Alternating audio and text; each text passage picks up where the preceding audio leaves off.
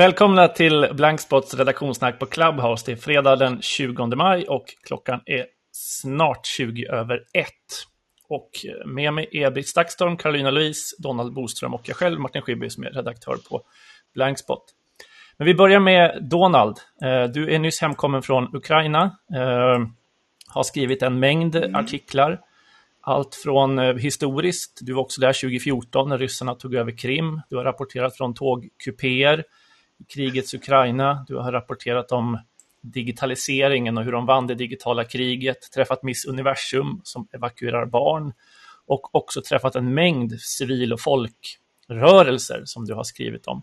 Mm. Men om man, om man börjar med, liksom, vad, vad berörde dig mest från, från den här reportageresan? Ja, det, alltså när det är krig så är det mycket som berör en, men det som slår emot en snabbast man kommer till Ukraina, det är ju dels den enorma förstörelsen. Det är sådär som man, en klyscha man, bara sett på film. Mm. När det ligger samhällen i grus, skolor, köpcenter, villaområden, höghus och sådär. Och det är liksom väldigt svårt att ta in att det är sant. Men det är sant och det är inte bara på ett ställe utan det är på oräkneliga ställen. Stad efter stad, by efter by, massor sådana områden. Det är det ena. Och i kontrast till det, så det andra som slår emot den, det är i Ukraina just nu så är det en enorm spirit bland folk. Man kan ju tänka sig att när man ser det här som jag just sa, att man då blir väldigt depressiv och nedslagen och tycker att allting är hopplöst och sådär. Men det är nästan precis tvärtom. Det är ett enormt engagemang. Bidra, hjälpa till, göra sin insats eh, för landet. Och, det man inte tänker på det är ju att när en armé slåss mot en annan armé så är det inte bara det som händer utan det behövs ju massor av stöd underifrån och bakifrån även till soldaterna i fronten. Och där har ett stort antal folkrörelser, det som fanns tidigare men som har uppstått nu då, eh, börjat med att bidra med allt från kamouflagenät till mat, till hårschampo, eh, till mediciner, till tamponger. Det är även kvinnor ute vid fronten. Då. Mm. Så att de två sakerna står fram väldigt starkt. Där. Och den ena positiv och den andra väldigt negativ. Då. Jag tänker de här civilsamhällsorganisationerna, var det sådana som var typ hemvärnet innan eller är det liksom andra organisationer som helt har, har sadlat om och börjat jobba med kriget? Du, du träffade ju många. Vad, ja. kan, kan du berätta det här, om, om det? Det var så, var så spännande ja. att läsa det i dina reportage just. Ja, det är både och. Alltså, mm. Egentligen kom ju många igång redan 2014. Mm. Alltså när det, kriget började ju då. Eh, och därför så var ju också många beredda på att ryssarna kommer komma. Man var egentligen inte överraskad över att det blev en fortsättning, en utvidgning i sig. Däremot man, var man överraskad över att den blev så storskalig och så omfattande och så stor. Men redan då så började man ju lära sig. Man var mentalt oförberedd på kriget 2014. Men undan för undan så lärde man sig behoven och då uppstod många av de här organisationerna. De startade helt enkelt 2014. Och några har faktiskt startat nu, som det står där. En del var ju eh, de var studenter, de var journalister, de var alla möjliga mm. killar och tjejer som gjorde allt möjligt på dagarna, men slutade med det och bildade eh, de här organisationerna. Så det är en blandning av gamla och nya. Hur viktiga är de då för, för armén, alltså civil, civilsamhället och de här civila? Oerhört viktigt. Alltså, normalt, en svensk vet ju väldigt lite om krig, hur det går till. Man vet mm. att det är hemskt.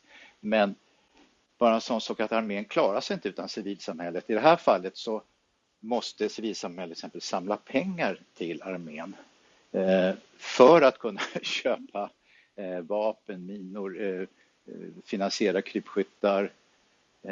Annars är det väldigt svårt. I det här fallet får Ukraina väldigt mycket stöd utifrån men civilsamhällets folkrörelseorganisationer Eh, pengar, alltså det är stora summor. En organisation som jag skriver om där har fått in 100 miljoner dollar här nu på mm. eh, sen den senaste fasen och utan det så skulle armén ha det väldigt, väldigt, väldigt svårt. Så att det är ett samspel och det är en av lärdomarna så att säga, om man inte förstår sig på krig, det är att samspelet mellan civilsamhället och armén måste finnas där. Det måste finnas ett stöd och den ryska armén har ju inte det är en ganska bra jämförelse. Den ryska mm. armén har inte det stödet. De har inte ens stödet inom armén tillräckligt och mycket mindre stöd från sin civilbefolkning. Så att eh, eh, det är väl det som gör att många faktiskt ser att Ukraina kan vinna, hur otroligt det än kan låta så här då.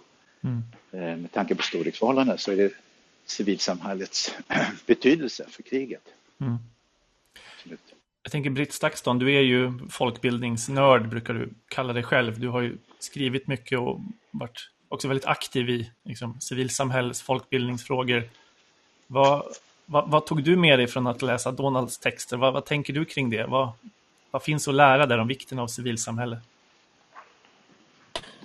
Nej men det är ju um Alltså mitt i eh, det eh, fruktansvärda krig och det perspektiv som också Donald förstärker och även säger i det här rummet över eh, alltså den totala ödeläggelsen överallt. Eh, att, att matcha det eh, eller ställa det i motvikt till det som faktiskt händer bland eh, människor och det engagemang som finns har ju mitt i allt detta fruktansvärda så har det ju det här är ju någonting som man, man i relation till att den demokratikamp, vi är liksom matade med att hoten mot demokratin är så fundamentala i Sverige. Det är någonting vi mm. pratar om ständigt liksom.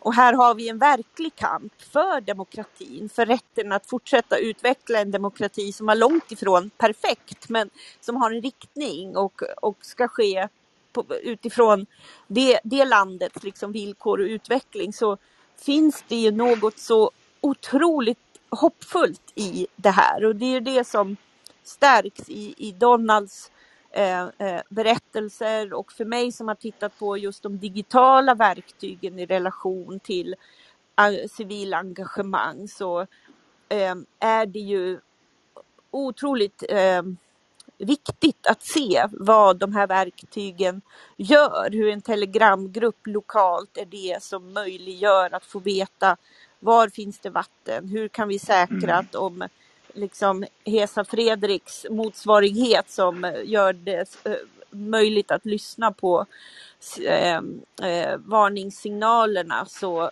kan man, eh, bildar man mobilkedjor för att göra det. Eller att man bara sprider, det här är desinformation som sprids just nu för att stärka var och en och hur man berättar vidare och hur de digitala plattformarna också gör att vi kan följa det här i en sån, på en sån detaljnivå, vilket under arabiska våren var det mer den politiska kampen. Nu ser vi också det här mellanmänskliga bygget som sker och den fortsatta kampen för eh, rätten att eh, liksom bygga upp sitt land och fortsätta bygga och det tycker jag de här reportagen också och, och stärker som Donald har gjort på plats. Mm. Eh, verkligen. Don, Donald, du träffade ju också Ukrainas digitaliseringsminister Mikhailo Federov mm. eh, och pratade mm. med honom om det här just digitala motståndet. Vad, vad hade han att berätta? Vad var, vad var nyckeln?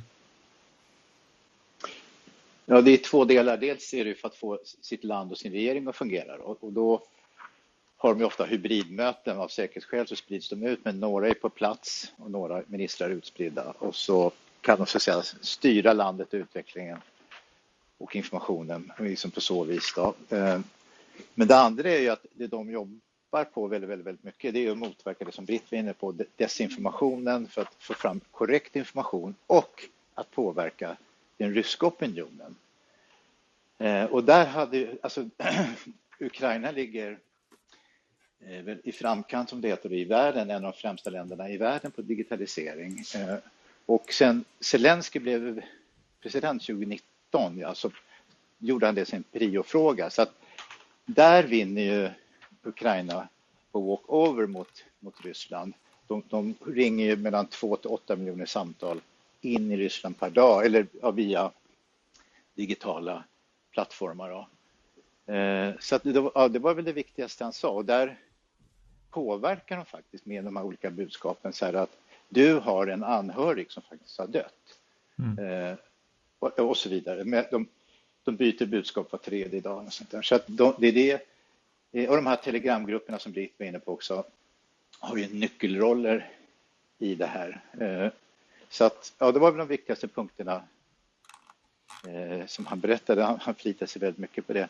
Men sen apropå det här med civil civilsamhället, det, det, det är de civila som drabbas så att säga. Den här förstörelsen av bostadshus, det gör ju att till exempel eh, civilsamhället måste så här, ja, släcka bränder. Och då mm. kunde en minister säga att ja, brandmännen, man får ett mått på hur omfattande det är när, när de säger att brandmännen eh, kläder, utrustning slits ner på en vecka. Generellt slits materialet ut hundra gånger snabbare nu under den här krigssituationen än under, ja, under normala omständigheter. Så att man förstår eh, omfattningen av förstörelsen. Man måste alltid dygnet runt 24-7 så att säga jobba med att laga, leta, släcka bränder mm. eh, i civilsamhället. För krig. Och det är en annan eh, sak som gjorde starkt intryck. När jag säger att förstörelsen gjorde ett intryck så var det förstörelsen riktad mot civil, de civila, mm. civilsamhället. Eh, man träffar folk som kommer hem och så har det suttit en missil riktas in i deras lägenheter, i deras hus och så hittar man sin mor förkolnad.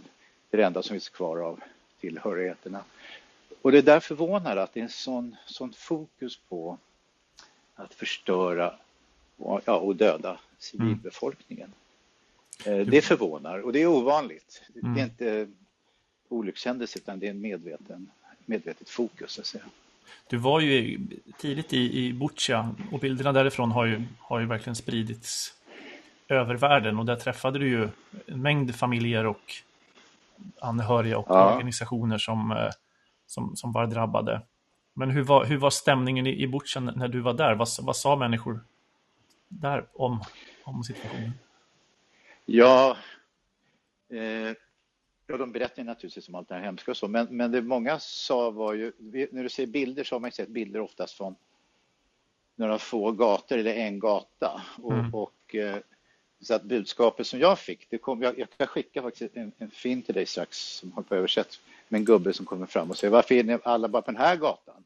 Mm. Eh, och han säger, jag har bara sett att media speglar vad som händer på den här gatan, men det är likadant på massor med andra gator. Varför går ni inte runt och visar omfattningen. Eh, så att det är väl det, det är väl den här, och det är det som jag sa nyss, att eh, upprördheten över att eh, ryssarna fokuserar så mycket på, på att förstöra för civila människor. Dels infrastrukturen såklart, men, men också det civila livet, köpcenter, butiker, bostadshus eh, och vanliga människor. Mm. Så vad, vad, tror man då, alltså när du träffar människor, alltså soldater och politiker och, och civila, vad ser man för, för, för, slut på det här? Eller, eller tänker man än så? Eller handlar det om att bara överleva och, och så säga, försvara sitt land? Eh, Nej, det som förvånar det är den här, det här blixtsnabba svaret att självklart vinner vi. Och det kan ju mm. vara sån här propaganda, liksom det säger man på att hålla modet uppe, och du vet det. Mm. Eh, för, men här är det nästan så att man tror på att de tror det. Mm. För alla säger det mangrant och de har ju den spiriten och de känner att de faktiskt eh, så säga, vinner ja, mentalt och digitalt har de vunnit över ryssarna och därför så tror de att vi kommer vinna. Men sen finns det ju faktorer som man inte kan avläsa. Hur går det med Putin? Hur går det med hans stöd? Man vet att stödet minskar eh, även om hans propaganda håller honom vid liv så att säga. Eh, och eh, ska de bara ta dem? Ja, det finns det är svårt att säga, men så här, Ukrainas befolkning är säkra på att de vinner. Eh, de tippar... huvudgissningen som jag så där filtrerar fram är väl att de tror att det, det tar ett år. Mm. Sen har de börjat sikta på att även ta tillbaka Krim. Jag vet inte om det kanske ni har läst om, men alltså det är den optimismen man har. De kommer, vi kommer inte bara vinna det här utan vi kommer ta tillbaka hela östra Ukraina och Krim. Sen kan Krim bli lite svårare för där är det ju faktiskt en majoritet av befolkningen som stödjer eh, Ryssland och vill tillhöra Ryssland. Men, men mm. Eh, det säger en del om Ukrainas inställning. Mm. Att eh, vi vinner och vi tar tillbaka det som är vårt. Och ja, det är runda slängar om cirka ett år. Sen kan det hända så mycket saker som man inte kan förutse. Men Eh, det är en annan sak så att säga. Mm. För er som är nytillkomna i rummet så är det här Blankspot som är en reportagesajt som varje fredag har ett öppet redaktionsmöte där vi pratar om kommande och eh, gjorda publiceringar och vi pratar nu med Donald Boström som nyligen kom hem från Ukraina och har skrivit ett antal reportage och artiklar på sajten om det. Eh, hur var det, hur var det att, att jobba då? Alltså gick det eh, ta sig runt fritt? Eller du, du ja. har erfarenhet från, från många krig, men hur skulle du beskriva liksom, möjligheten att göra journalistik i, i Ukraina nu? Ja, det var häpnadsväckande skillnad mot andra. Bara en blixtsnabb resumé. Under mm. Vietnamkriget var allting totalt öppet för alla mm. journalister, vilket bidrog till att, att amerikanska opinionen vände sig mot sitt eget krig. Och då lärde man sig en läxa. I Falklandskriget så valde man ut pålitliga journalister. I Irakkriget så bäddade man in journalister. Man gjorde massa saker för att, att styra informationen så att säga. Och Etiopien, Eritrea, äh, Etiopienkonflikten nu med, mellan TPLF och regeringen så stoppade man journalistiken. Därför mm. var det en sån enorm kontrast att komma till Ukraina där man nästan var tillbaka till Vietnamtiden där det var eh, totalt öppet. Man kunde åka hit och dit och, eh, och i det här fallet så var det egentligen ganska självklart för Ukraina har ju allt att vinna på total transparens och öppenhet. Mm. Därför att det är Ryssland som bryter mot alla internationella lagar och Genèvekonventioner och så. Så att de hade ju allt att vinna på att visa. Så att det var väldigt mycket fritt fram eh, på ett sätt som jag inte varit med om på många, många, många år. Mm. Eh, och givetvis tvärtom då i Ryssland där stänger man ner alla medier och förbjuder olika ord och sådär. Så att eh, journalistiskt var det, det som jag upplevde, väldigt, väldigt bra, väldigt, väldigt trovärdigt och det fanns därför också en tillgänglighet till väldigt många människor. De vill ju visa och berätta, de hade allt att vinna på det. Så att jag kunde ha så här sex, sju möten om dagen. Alla mm. bara så, jag visst, kom upp så man hann knappt runt till alla öppna dörrar. Ja. Och man fick gå väldigt tidigt på morgnarna och kom hem sent på kvällarna. Men just för att det var en enorm transparent och öppenhet i det här fallet som har varit ovanligt på decennier faktiskt. Mm. Så, att, så att det var, då kände man att ja, det är ju så här det ska fungera. Mm. Eh, så att det enda orosmomentet är ju säkerheten eftersom det är krigsområden så ja, bara en sån sak som att eh, mineringen är ett av de stora problemen i landet. Det är vad som 300 000 kvadratmeter som är minerat av ryssarna och man har minerat allt, vägar, hus, tvättmaskiner, leksaker, åkrar. Eh, och det där är ingen som riktigt har koll på så att bara en sån sak att gå och titta på var man sätter sina steg och sådana saker. Då. Eh, begränsar den lite grann. Man skulle vilja gå dit och dit och dit och filma eller så, så vet man inte riktigt, kanske finns minor. Eh, men då är det säkerheten som begränsar journalistiken, men inte landet som sådant, så att säga. Mm. Jag hörde om någon som hyrde en hyrbil i eh, liksom västra Ukraina. Uthyraren av hyrbilar hade sagt ja, man bör nog inte åka öster om Kiev, men ungefär det var de riktlinjerna man fick för ja. för, för hyrbilen. Så det visar lite tecken på samma så här, ja, eh, öppenhet eh, kring, kring situationen. Ja, ja, det var ovanligt. Och sen, man kan berätta mycket som helst naturligtvis, men, men så tecken på, på den ryska demoraliseringen är till exempel just på väg till Butja, att man skulle dit en vanlig landsväg, du vet en fil åt ena hållet och mm. en fil åt andra hållet så är det skog på båda sidorna. Så där som det ser ut i Sverige. Väldigt likt för övrigt med björkar mm. och tallar och så där. Och så står det en lång rad eh, utbrända ryska stridsvagnar, tanks och andra pansarfordon. Och eh, som hade varit på väg till Butja. Och då undrar man, eh, alltså tänk en trång landsväg med en lång kolonn. På ömse sidor är det skog och det är självklart att fiendearmén, i det här fallet ukrainska armén då, naturligtvis gömmer sig i skogen efter landsvägen mm. och attackerar den här kolongen. Eh, det blir som att skjuta på sittande fågel och ändå gör det sådana här gång på gång på gång på gång. Och ukrainska armén förstår inte varför de gör det, om det inte är att de nästan vill förlora. Alltså, de vill inte eh, åka fram till olika ställen och slåss utan eh, nästan som att de vill bli stoppade. Det är väldigt märklig krigföring. Det finns väldigt många exempel på det där. När där man undrar varför gjorde ryssa, ryska armén så här? Och då vet man ju att det är motsättningar mellan soldaterna. De vill inte göra det här väldigt många. Utan de, ja, de tvingas naturligtvis. Vad fanns det mer för berättelser? Jag tänker de i Butja måste ju också ha liksom, träffat och tvingats umgås med ryska soldater under, under ganska lång tid. Vad, vad sa man om de ryska soldaterna och om den, den ockupationen som var de, under de dagarna? Ja, alltså det är ju det man har hört. Alltså, det, alltså bli ockuperad och våldtagen. Det är, ganska, alltså det är i princip samma berättelser som vi, vi, har, mm. vi, har, vi, har, vi har hört. Alltså det är skräcken. Alltså, de var beredda på någonting men det här övergick eh, allas, allas fantasier. Även bland ministern som säger det, säger de det, att vi var beredda men det här var oerhört mycket mer eh, än vi kunde tro. Och eh, att det på något vis gick överstyr, att man började skjuta prick på folk bakifrån som bara var ute och gick och sådär. Eh, så att det är sådana berättelser man beskriver. Mm. Så de staplas ju på varandra givetvis och det, det, det är ju det de har är uppfyllda av. Skräcken, rädslan och sen förlusterna. Alltså det är enorma förluster. Alltså plötsligt så är ens Ja, som han som jag berättade om, han kommer hem och så ser han hans lägenhet utblind och så ligger mamma som en kolbit.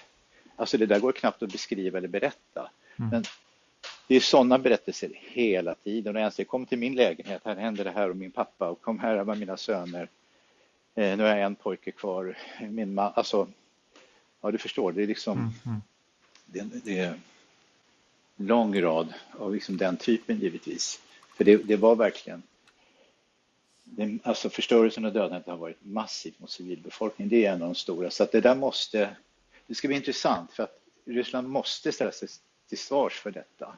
Mm. Eh, denna enormt omfattande attack på civilbefolkningen. Så att de berättelserna är ja, hur många som helst. Mm. Och nästan så här, oh, det är också så överraskande. Man kan så prata med vem som helst och plötsligt kommer en sån här berättelse om eh, hur man hittar sin ja, fru eller man eller dotter eller son eller, med en kula eller uppbränd eller sådär mitt i allt. Det liksom har Ja, det blev en vardag. Nu har ju armén dragit sig österut. Så nu är det mer det här att flyglarmet går så vet man inte vad missilen träffar. Mm. nu är det antingen båtarna i Svarta havet eller flygattacker. Då. Eh, och eh, flyglarmet går väldigt ofta överallt. Och så är det mera sådär att hoppas att den inte träffar. Och det är för att behålla befolkningen i skräck och i schack och sådär. Eh, men eh, i övrigt så är det ju så där att Ukraina är ett jättestort land och kriget pågår på vissa ställen men på de flesta ställen pågår inte kriget. För ryssarna har inte den kapaciteten och då pågår livet. Alltså även om flyglarmet går så, så går man till jobbet. Restauranger öppnar, fika, kaféer öppnar, butiker öppnar. Men den längsta kön jag såg Eh, det var faktiskt posten i Kiev. För då ville alla köpa det här frimärket som hette ut nu på det här. Just det, Russian Warship. Ja. Go home. Ja. Mm. ja. Annars var det liksom, när det äntligen var öppnades efter flyglarm så blev det köer och så. Mm. Eh, men, men det var den längsta kön. Ja. Ja. men det är en fin, det är en fin bild. Är det någon av er som lyssnar som vill ställa någon fråga till, till Donald om hans reportage och upplevelseintryck från Ukraina? Så bara räck upp handen och gör det. Britt och Karolina Lys, har ni någon fundering, tanke innan vi släpper Donald?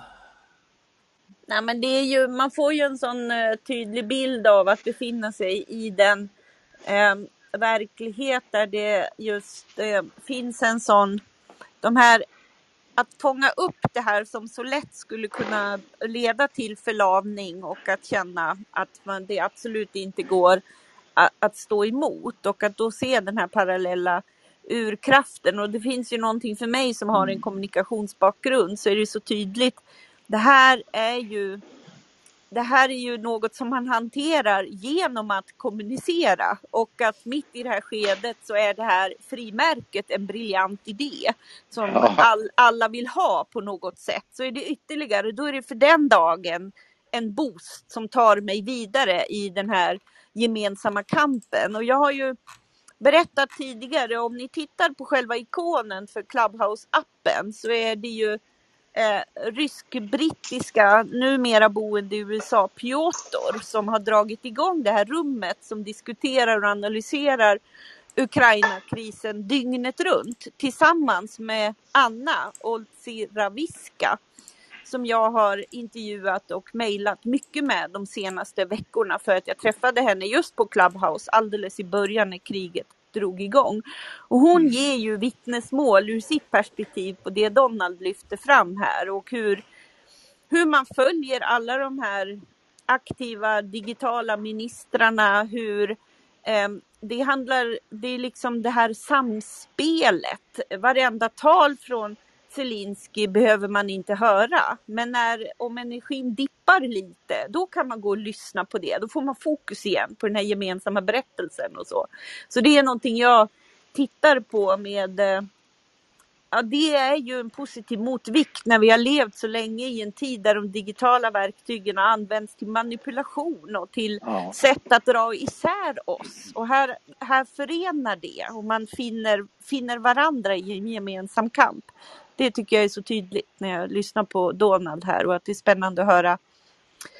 Vi sitter här utifrån och tror och tolkar det och du liksom har mött det i verkligheten, vad det betyder för människorna där. Ja, precis, och möter det totalt, den där spiriten. Och jag tror, nu säger Zelenskyj, så tror jag att hans inledningscitat, som nu är en klassiker för historien, betyder jättemycket när amerikanerna säger som vanligt till presidenten i ett land, vi hjälper dig ur landet. Så brukar det ju vara. Haile Selassie flydde och alla möjliga flydde. Men då svarar Zelensky, jag behöver inte skjuts, jag behöver vapen. Och den, den inställningen tände, tror jag, ukrainska befolkningen och säger ja, ja. han kan vi. Och så ställer sig alla bakom den. Vi ska inte ha någon jävla skjuts, vi ska slåss. Vi ska befria vårt land. Så att den kommunikationen, och det är för att han kan kommunikation, han är ju en sen person.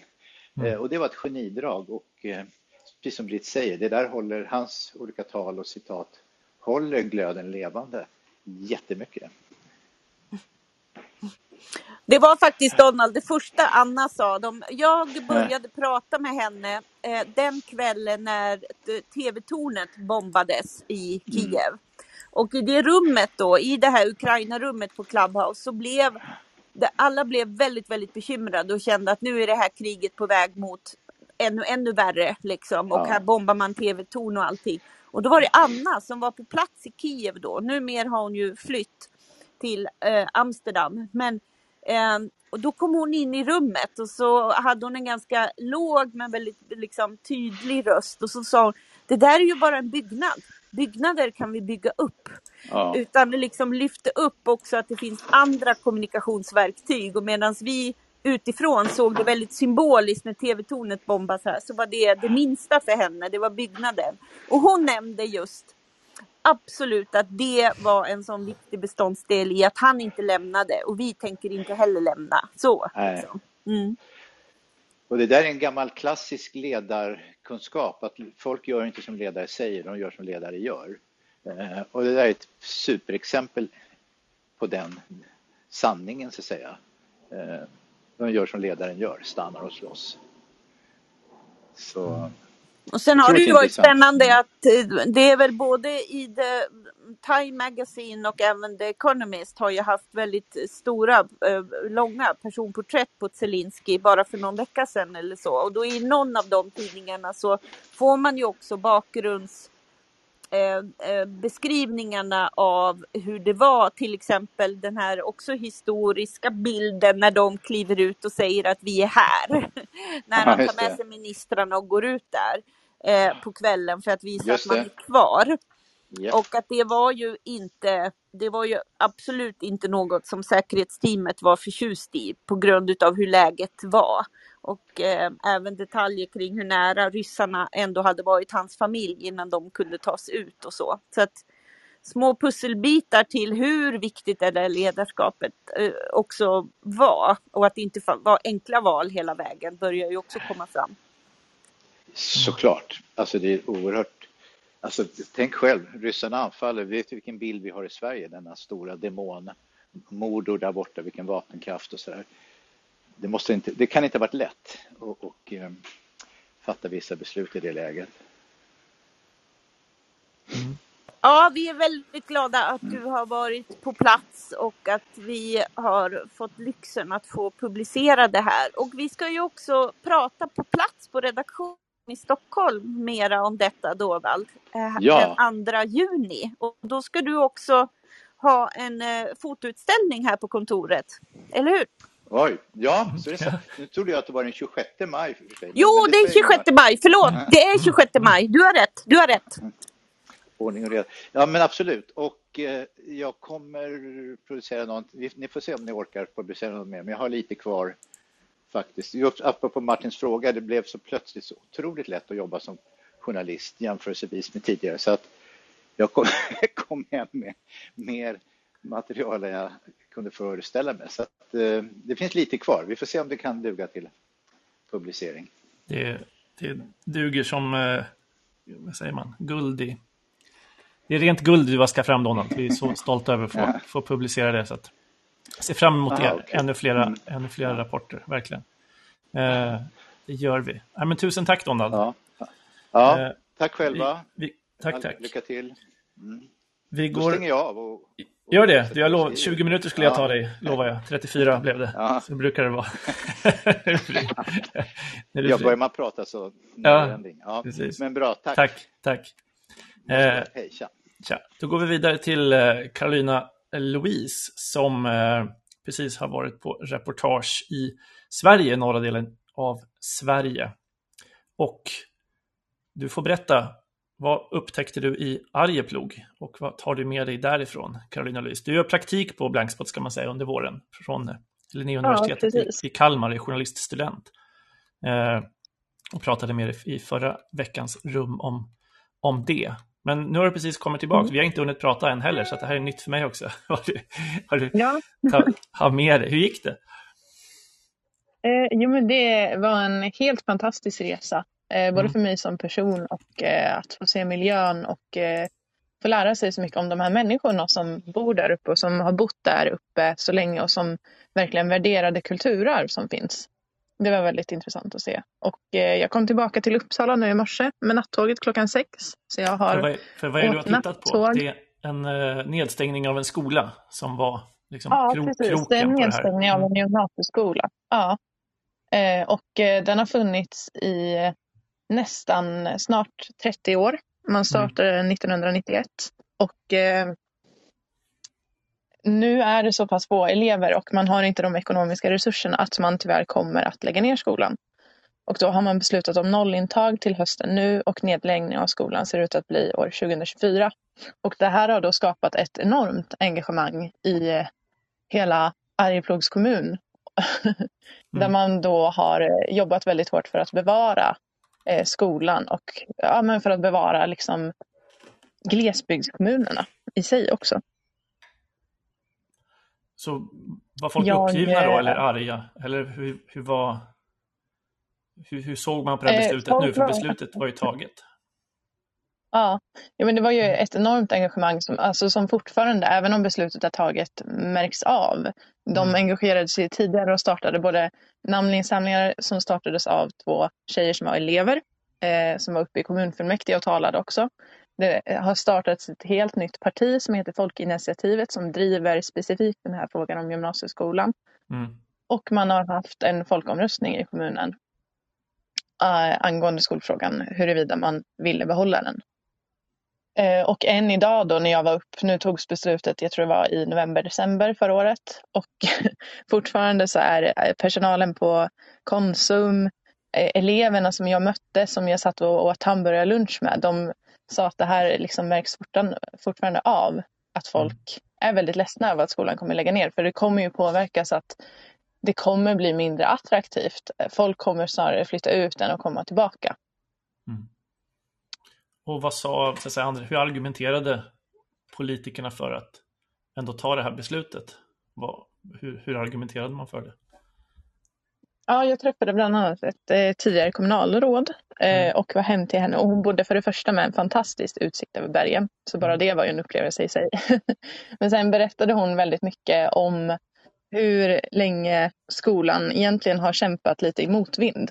Mm. De har ända sedan den nya gymnasiereformen kom, jag tror det var 2010-2011, eh, så fick de svårare för att de har haft ett riksintag till ett biltestprogram som finns där uppe för att man arbetar mycket med att testa bilar i mm. Arjeplog.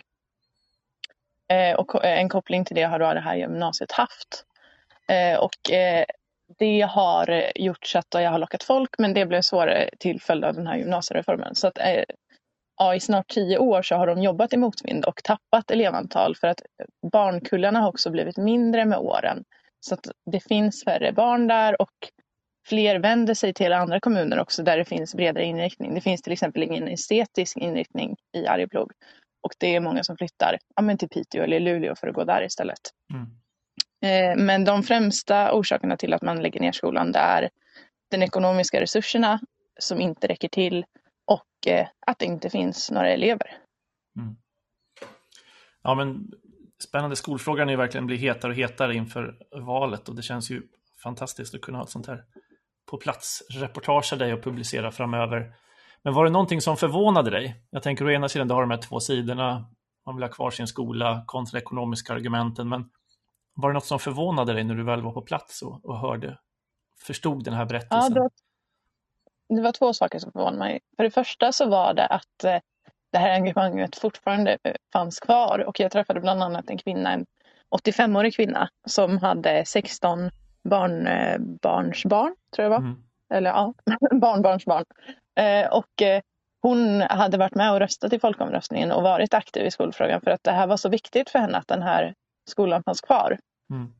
Eh, för att hon som Arjeplogs medborgare har sett kommunen under så många år och vill bevara den. Det var häftigt att det fanns ett sådant engagemang både bland lärare, elever men också bland äldre människor.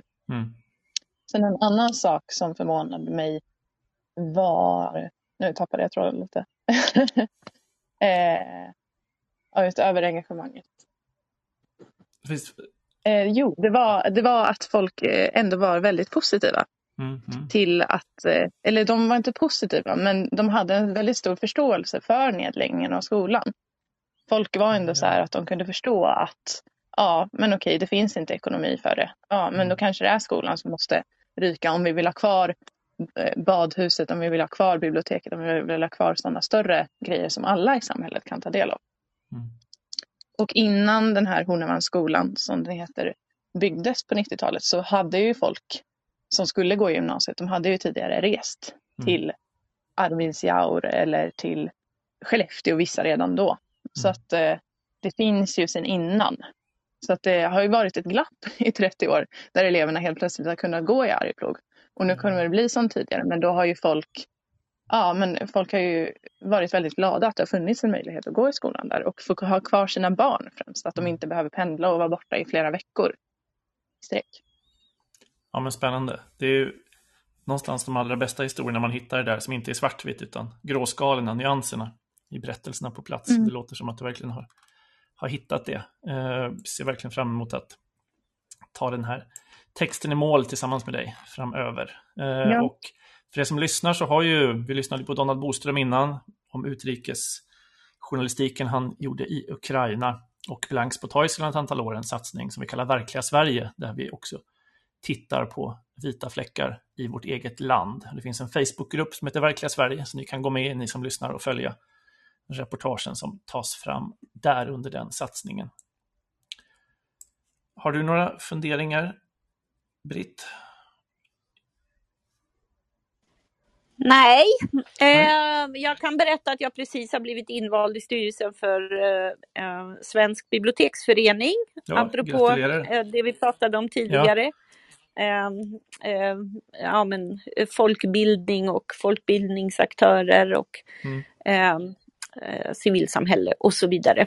Mm. Eh, och även mm, detta med att förstå eh, desinformation och allt det som ligger. Spännande aspekter i ett demokratiuppdrag för ett bibliotek idag mm. och så ju.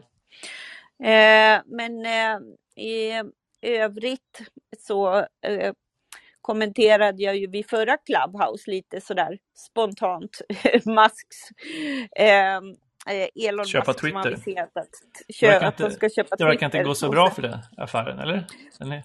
Nej, och sen så har han ju då stoppat det på grund av ett eh, klassiskt förhandlande för att få ner Mm priset på aktien. Spekuleras ju också i att Tesla-aktien har sjunkit och att allt det här är no- något slags eh, spel. Men en sak är säker och det verkar ju som att han alltså på riktigt eh, ju inte alls har förstått vad det innebär att driva den här eh, sortens eh, plattform och eh, verkar eh, vid sidan av att min första reaktion var att han inte verkade ha grundläggande förståelse för demokratiska grundfundament som Mm. anonymitetens roll i och rätten till anonymitet och så, så har det ju med tiden också visat sig att han inte verkar förstå hur algoritmer fungerar och verkar ju onekligen leva i en liten egen eh, Twitter-bubbla. Eh, så det senaste är väl att nu har väl också Twitter gått ut och kommenterat att det här verkar vara ett, ett, ett tjafsande. Han ifrågasätter ju hur många falska konton som finns på Mm, Twitter och inte, vilket ju också borde vara väldigt kända eh, eh, faktorer och, och eh, ja, är ju en av aspekterna han vill åtgärda också, så det kan ju inte vara som en överraskning. Men det är en följetong som fortsätter och det är ju ändå någonstans intressant hur den här typen av eh, tech-entreprenörer eh, tar väldigt mycket energi och fokus helt enkelt. ja. Ja.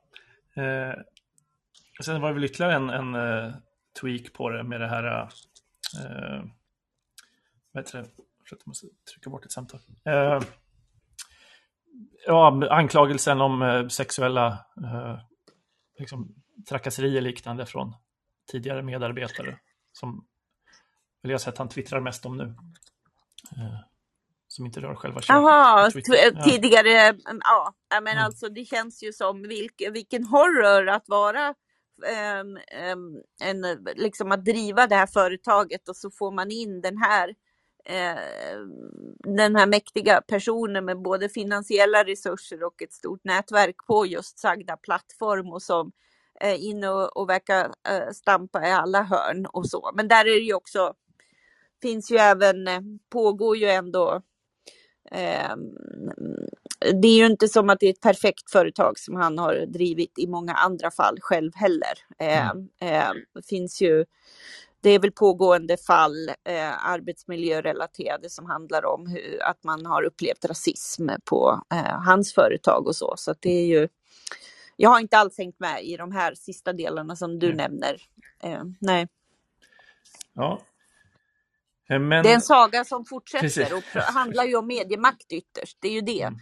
Eh, och, och parallellt så rullar ju till exempel EUs fortsatta lagpaket runt eh, Digital Service Act vidare och som ju i grunden verkligen eh, lyfter upp ansvarsfrågor eh, och eh, synliggörande kring algoritmer och även hur man modererar. Eh, så det är så intressant med de här två ytterlighetsperspektiven som pågår samtidigt och så. Mm. mm. Ja. Är det någon som har tankar kring det i publiken så räck upp handen. Annars så börjar vi närma oss en timme här och det är vad vi brukar prata ungefär. Eh, tusen tack för att ni har lyssnat och hoppas ni prenumererar på vårt nyhetsbrev så kommer det på söndag med en del av det som vi har diskuterat här under dagen. Och jag la ju upp en länk här till eh, Salong Wallingatan och det är ju för att vi befinner, eh, redaktionen befinner sig på Wallingatan 37. Så är ni i Stockholm nästa torsdag så prenumeranter eh, kan komma på en kostnadsfri kväll på där eh, Donald visar bilder och eh, har en eh, stund för att prata längre om vad han har gjort eh, i Ukraina och eh, annars kostar det 150 kronor. Så det finns länk till de olika programpunkterna. Det kommer fler sådana före sommaruppehållet. Så kika på det och varmt välkomna om ni råkar vara i Stockholm. Yes, varmt välkomna och trevlig helg till alla får man säga. Ja, Ja. trevlig helg allihop. Allt Hej, gott. hej. Hej hej!